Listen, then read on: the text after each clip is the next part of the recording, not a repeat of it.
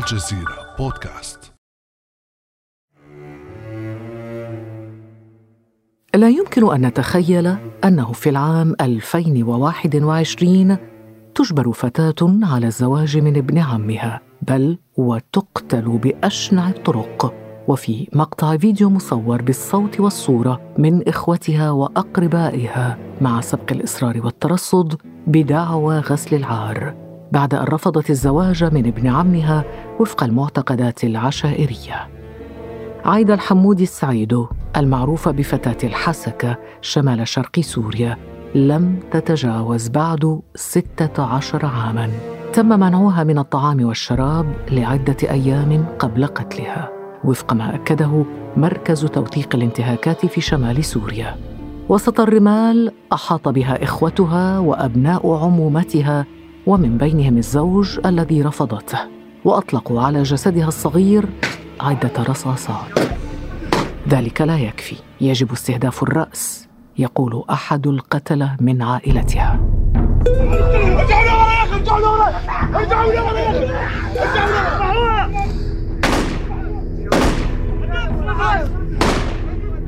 خلاص خلاص خلاص خلاص.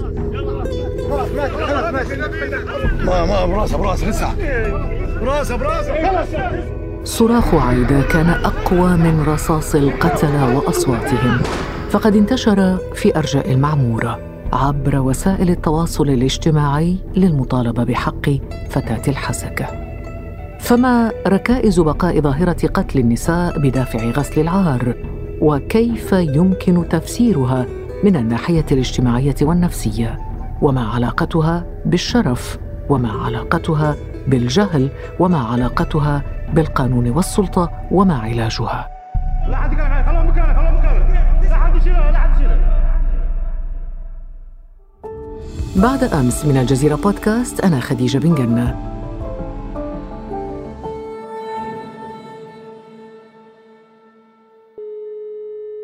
ويسعدني كثيرا أن أستضيف معي في هذه الحلقة من المغرب الدكتور إبراهيم حمداوي أستاذ علم الاجتماع في جامعة ابن طفيل من القنيطرة والمتخصص في علم اجتماع الجريمة. نرحب بك دكتور أهلا وسهلا بك دكتور إبراهيم. أهلا وسهلا بك الأستاذة خديجة بالقنا الشكر موصول لك وإلى كل فريق وراء الميكروفون. ومن خلالكم إلى قناة الجزيرة الصوتية. دكتور إبراهيم حمداوي بداية ما هو التفسير الاجتماعي وفق علم اجتماع الجريمة لهذه الظاهرة التي نتحدث عنها؟ في البداية ننعي الشابه التي تم إنهاء حياتها بطريقة بشعة ومن خلالها إلى كل النساء اللواتي كن ضحايا هذا النوع من الجرائم. فالجريمة سلوك مضاد ومعادي للمجتمع يخرق الأعراف والقوانين والعادات الاجتماعية المعمول بها والمتعارف عليها. فيقوم المجتمع من خلال مؤسساته الشرعية المختصة بمعاقبة الفاعلين بغاية حماية مصالح المجتمع وردع المخالفين وفق القوانين الخاصة بكل مجتمع لأن الجريمة تختلف في تحديدها من مجتمع إلى آخر. والجدير بالقول بأنها تنشأ حيث تكون الاختلالات في المؤسسات حيث تتهيأ الظروف وهو ما يجعل منها مشكلة فردية واجتماعية وجب الاهتمام بها في البحث عن أسبابها وعواملها وأثارها ومظاهرها حسب السياقات الاجتماعية والثقافية والإيديولوجية لكل مجتمع. وتعود في مجملها إلى اختلالات فردية أو أسرية أو قبلية أو مجتمعية أو فلسفية أو هي مجتمعة وما ينتج عنها من اضطرابات تؤثر على شخصية الأفراد وتوجه سلوكاتهم فيما بعد بما يحيد على المعايير الاجتماعية المقبولة والقيم الأخلاقية المتعارف عليها محليا ودوليا. طب هناك اختلاف على هذه القيم المتعارف عليها يعني من مجتمع إلى مجتمع لماذا تربط مثلا في بعض المجتمعات بقيم مختلفة عن مجتمعات أخرى؟ مثلا تربط بغسل العار تربط بحماية الشرف والدفاع عن الشرف. فهل تختلف هذه القيم من مجتمع إلى مجتمع؟ طبعا فيما يخص هذه الجريمة التي نتحدث عنها والتي ارتبطت في الثقافة المحلية بالشرف أو الثأر إلى غير ذلك يمكن القول أنه في المجتمعات التقليدية أو المجتمعات البدوية إن صح هذا التعبير بخصوص في اليمن في سوريا في العراق في الأردن في ليبيا وفي المناطق التي يسود فيها البدو ولا زالت القبيلة حاضرة يبدأ مفهوم الشرف من المراقبة المستمرة لجسد المرأة من يوم ولادتها حتى مماتها وينتهي بقتلها. طب لماذا ارتبط بجسد المرأة تحديدا؟ نعم لأن المرأة هي مصدر ما نسميه بالشرف في القبيلة أو شرف الأسرة أو شرف المجتمع بصفة عامة. وينتهي بقتلها إذا ما كسرته بشخصها بل ويتعدى ذلك إلى قد تكون هناك حروب قبلية. إذا كان هذا الشرف قد مس من طرف فرد آخر ينتمي إلى قبيلة أخرى. هذه القيمة الاجتماعية من طرف القبيلة وأخرى وبهذا يمكن القول حسب بعض المفكرين جون سكوت مثلا بأن مفهوم الشرف قيمة رمزية تعلو كل القيم الأخرى. إذ يتضمن الأفكار والمعتقدات المحلية المرتبطة أو التي تشخص ما يسمى بالمكانة الاجتماعية. بمعنى الشرف الحفاظ على الشرف يعني العلو المكانة الاجتماعية وعدم الحفاظ على الشرف أو الثأر للشرف يعني يجعل الإنسان أو يجعل القبيلة تنزل إلى الحضيض. وهذه أشياء مهمة متوارثة من الثقافات القديمة. ولم تختفي بعد. نعم هذه المكانة الاجتماعية تعبر عن الانتظام الثقافي الديني الإيديولوجي لهكذا المجتمعات التي لابد أن تعتبرها مصدر التقسيمات في الأوضاع الاجتماعية. فالتركيب القبلي لهذه المجتمعات القبلية بالخصوص التي لا زالت تكون فيها القبيلة حاضرة كأهم نموذج اجتماعي معاصر لاستمرار يعني التقاليد القبلية التي استطاعت أن تشكل أحد أهم آليات التوازن الاجتماعي والسياسي في المجتمع. وعليه يعني تتميز يعني الدولة بواحد في اعتقادي بواحد النوع من التناقض واضح فهي تعمل على معالجة الجرائم التي تمس الأمن العام أمن الدولة بالقانون فيما لا زالت تغض الطرف عن الجرائم المدنية والشخصية وتتركها للقانون العرفي وللتقاليد القبلية. وهذا يرجع إلى مكانة أو سيطرة هذه النخب القبلية على مفاصل الدولة. فأصبحنا أمام ما يسمى بدولنة القبيلة أو قبلنة الدولة إن صح هذا التعبير كل هذا انعكس على أرض الواقع في تغييب التعاقدات الاجتماعية المدنية وتأطيرها بالقانون العرفي القبلي.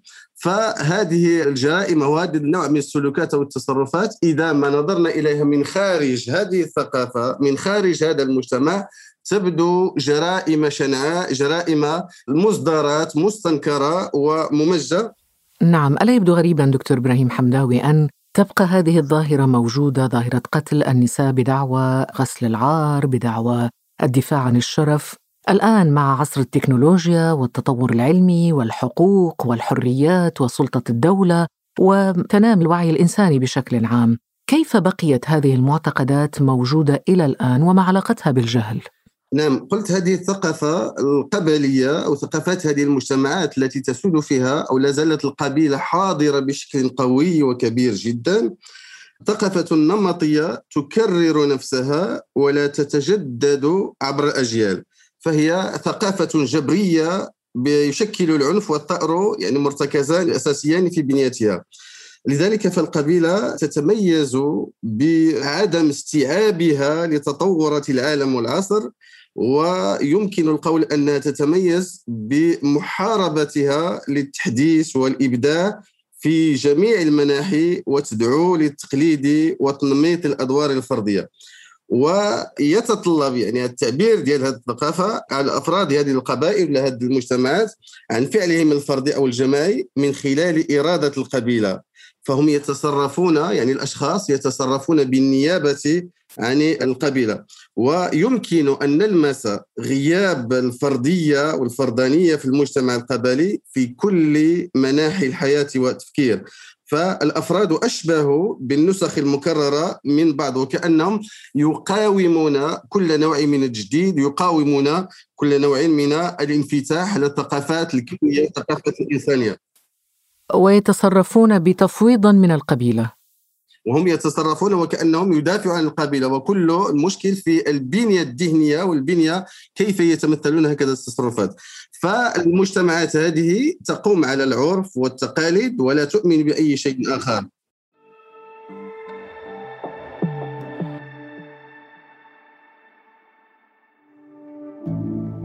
ابقى على تواصل مستمر مع الجزيرة بودكاست ولا تنسى تفعيل زر الاشتراك الموجود في تطبيقك. لتصلك الحلقات يومياً.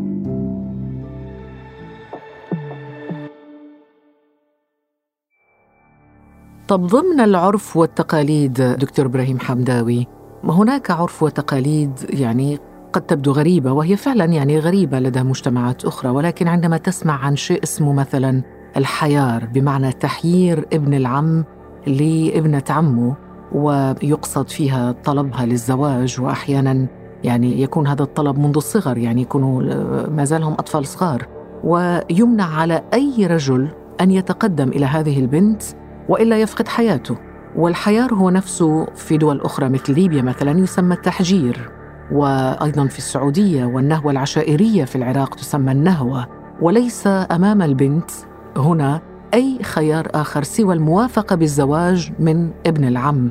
في حال ما إذا رفضت البنت الزواج من ابن عمها يحجر عليها في البيت حتى توافق وإذا هربت تقتل. وهذا ما حصل مع عايدة بنت الفتاة الحسكة. من الناحية الاجتماعية دكتور أليس مثل هذه القوانين؟ هي ما ينظم العلاقات العشائرية لسنوات طويلة وما زالت إلى الآن والدولة غائبة؟ قلت بأن هذه الأمور يمكن تفسيرها من خلال التناقض الصارح والواضح والذي تسنده حتى القوانين. دولة تأخذ بزمام الأمر حينما يتعلق الأمر بجرائم تمس الأمن العام لكن تترك الأمور الأخرى للقبيلة حينما يتعلق الأمر بالجرائم المدنية والشخصية وهذا يعود لسيطرة النخب القبلية على مفاصل الدولة. فأصبحنا كما قلت أمام يعني واحد قبيلة داخل دولة أو دولة هي عبارة عن قبيلة. هذه الأمور يعني يمجدها القانون. فنجد مثلا المادة 233 من قانون يعني العقوبات رقم 12 في 1994 ديال الجمهورية اليمنية.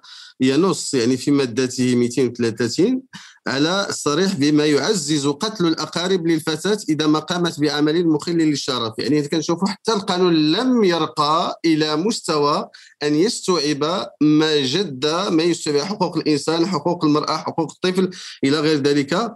إذا هذه الجرائم يعني كما تنقولوا مسموح بها في القانون. يعني القانون حتى إذا ما عوقب الأب أو الأخ الأكبر تكون عقوبة خفيفة جدا لا تتجاوز ثلاث يعني السنوات أو بالغرامة في القتل وبالحبس مدة لا تزيد عن ثلاث أشهر بالغرامة في الجرح ولم يحصل عفو وهذا يشجع. يعني يجد هذا المواطن نعم. يجد سندا قانونيا لإعطاء المشروعية لكل تصرفاته ولكل سلوكاته. هنا نجده طيب واضح تماما دكتور إبراهيم يعني الأسباب الاجتماعية التي تؤدي إلى مثل هذه الجرائم. لكن دعنا نتوقف قليلا عند الأسباب النفسية وهنا نستمع إلى المختصه في علم النفس الاجتماعي أنس العمودي تشرح وتحلل لنا ما هي الأسباب النفسية التي تدفع إلى ارتكاب مثل هذه الجرائم.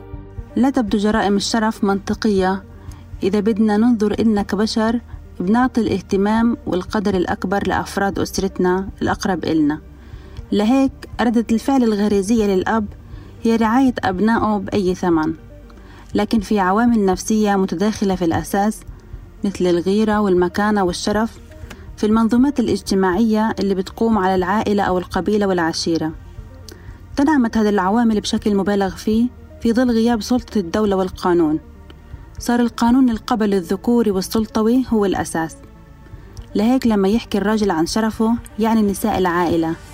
أي تنميط حياة الأسرة والجماعة وفق سلوك نساء العائلة.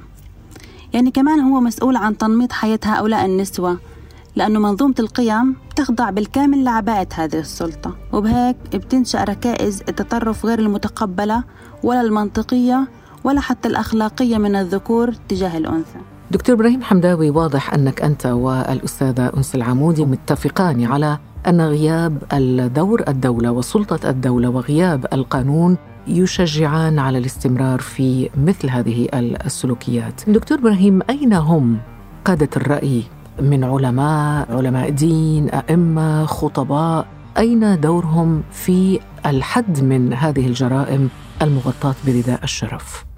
قد لا تكون لهؤلاء سلطة معينة إذا ما يعني قرنت بسلطة القبيلة. بالإضافة إلى أن هؤلاء يعني هذا ما نسميه بالفقيه أو رجل الدين أو رجل السياسة أو رجل هذا فهو إن لم يكن يتماشى ويعني المرجعية الفكرية والثقافية للقبيلة فإن مصيره سيكون مصير عيدة إن لم يكن طرد إن لم يكن أشياء أخرى. وبالتالي يجب أن تكون الأصوات كلها يعني تطبل وتزمر لهذه الثقافة وإلا مصيرها سوف يكون ما نسميه ينظر إليهم بالجحود بأشياء أخرى. وبالتالي يكون مصيرهم مصير مناضلين في كل البلدان هناك بالفعل من يطبل ويزمر كما قلت ولكن في نفس الوقت هناك جمعيات كثيرة تندد وتدعو إلى مواجهة هذه الظاهرة. هناك نداءات متكررة استمرت لأعوام من النخب الحقوقية والاجتماعية والنفسية في المجتمعات العربية ويرى العديد منهم إلى الآن أن القانون متواطئ مع القتله دكتور إبراهيم القانون لا يفعل أو المنظومة القانونية غير مفعلة بالشكل المثالي لمواجهة الظاهرة لمواجهة جرائم غسل العار وجرائم الشرف حيث تراعى دائما العادات والتقاليد تحت ذريعة فورة الغضب والظروف المخففة التي يستند إليها القاضي فيما بعد لتحديد العقوبة. الإصلاحات التي حصلت على المستوى القانوني دكتور ما زالت غير كافية أو غير مطبقة لنقل بقوة أو بقوة السلطة مثلا بات القانون السعودي يعاقب ولي الأمر على تزويج الفتاة بغير موافقتها بينما يعتبر القضاء العراقي. في الأعوام الأخيرة أن النهوة الشرعية جريمة. وشرحنا أنه النهوة فيما قبل بأنها يعني تسمية بنت العم على ابن عمها. في عام 2020 العام الماضي فقط ألغيت في سوريا المادة القانونية التي تعطي القاتل عذرا مخففا في إطار جرائم الشرف. الآن أبدأ معك دكتور إبراهيم نبدأ الحديث في إطار عدم تطبيق القانون للقضاء على الظاهرة من موقع جريمة فتاة الحسكة حيث تنص المادة 17 لقانون المرأة والذي أقرته الإدارة الذاتية الكردية في مناطق شمال شرق سوريا على تجريم القتل بذريعة الشرف واعتباره جريمة مكتملة الأركان لكن لم يعاقب فعليا مرتكبو الجريمة. فهل نحن أمام عرف اجتماعي أقوى من العرف القانوني تظل على اساسه هذه الجرائم دائما هكذا بلا عقاب؟ دولة تعطي صلاحيات كبيرة لشيوخ القبائل لإدارة المجتمع القبلي بصيغة مدنية.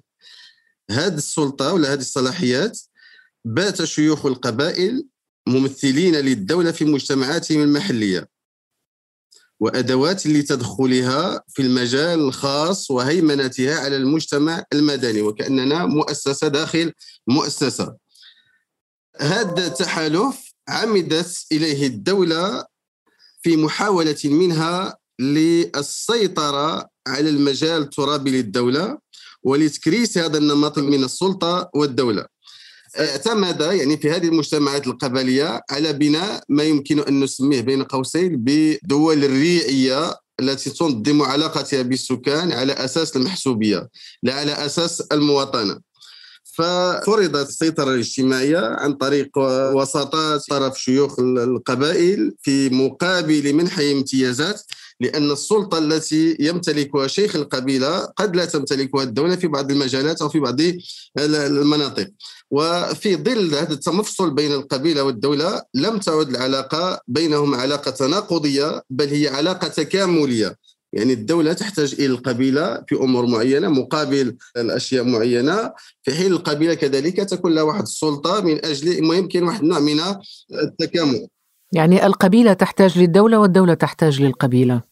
الدولة تحتاج للقبيلة هذا الأمر الذي تمخض عنه تولد واحد نظام سياسي بين قوسين رعوي يقوم على تقاسم السلطة بين الدولة والقبيلة وتنازل الدولة عن بعض وظائفها لصالح شيوخ القبائل.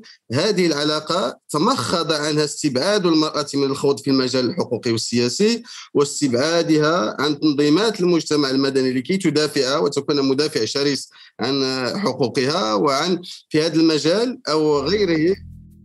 كيف تدافع عن حقوقها دكتور إبراهيم؟ هذا سؤال مهم نختم به هذه الحلقة لنخرج بحلول للقضاء على ظاهرة قتل النساء بدافع غسل العار والدفاع عن الشرف. قبل ذلك لنستمع إلى نورة نحاس المختصة بعلم الاجتماع الأسري وهي تقترح بعض الحلول.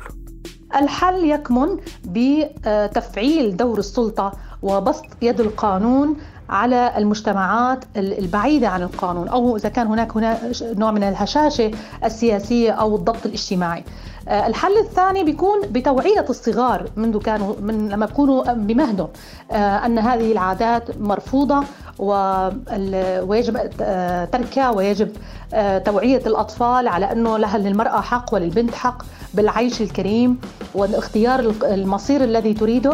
أيضا توعية الصغار من الصبيان أنه لا يحق لك بأي حال من الأحوال أن تقرر مصير أي أنثى حولك.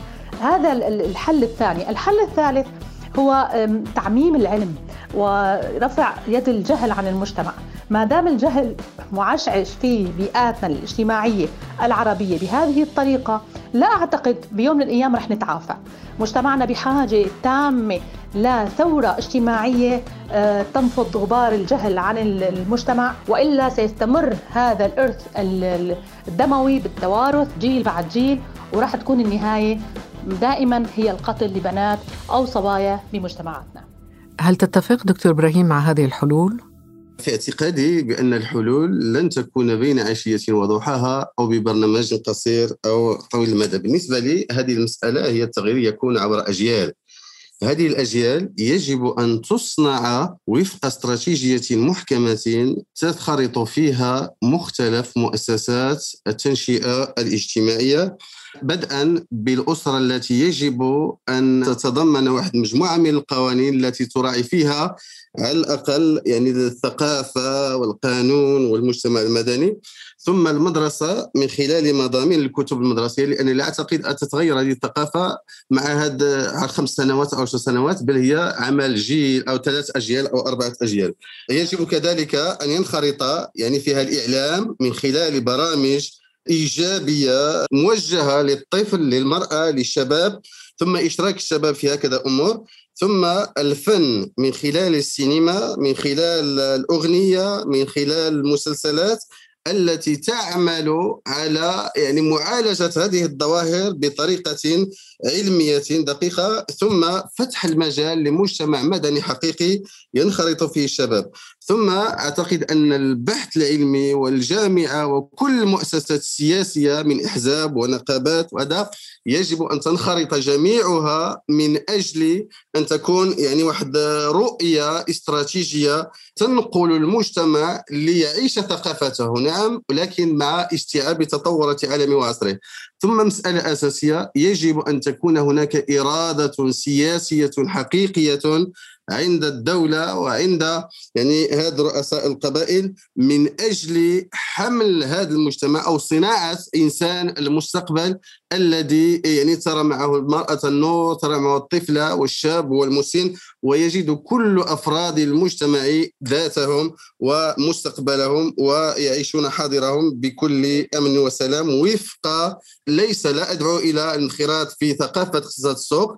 نعم للثقافة المحلية لكن أن نطهرها من يعني ما يعيبها أو مما يجعل الإنسان كرامته مهدورة وهنا أعتقد بأنه لا الدين كل الديانات لا الإسلامي ولا اليهودية ولا النصرانية ولا حتى الديانات الأرضية يعني تقبل هكذا نوع من هذه التصرفات أو هذه الممارسات ويجب أن نبحث يعني في كل الثقافات التقاطعات التي تحافظ على ماء الوجه على الثقافة على الأصالة ولكن دون أن تمنعنا من الانخراط في المعاصرة وفي الانخراط في أن نكون ضمن المجتمع الإنساني الذي يحب الحياة ويقبل عليها بسعادة وبشرف. وربما قيادات القيادات ورموز دينية كمان دكتور. يعني يجب أن تلعب دور. طبعا هذا أعتقد لو سمحتي يعني هذا أعتقد أن على رجال الدين من دعاة ومصلحين وفقهاء وعلماء أن يقروا الحق ويعتبروا أن هذه جرائم غير مقبولة. الله سبحانه وتعالى يقول ومن قتل من احيا فكأنما احيا الناس جميعا. نعم. شكرا جزيلا لك الدكتور إبراهيم حمداوي أستاذ علم الاجتماع في جامعة ابن طفيل بالقنيطرة في المغرب. شكرا لك أستاذة خديجة. شكرا لك. كان هذا بعد أمس.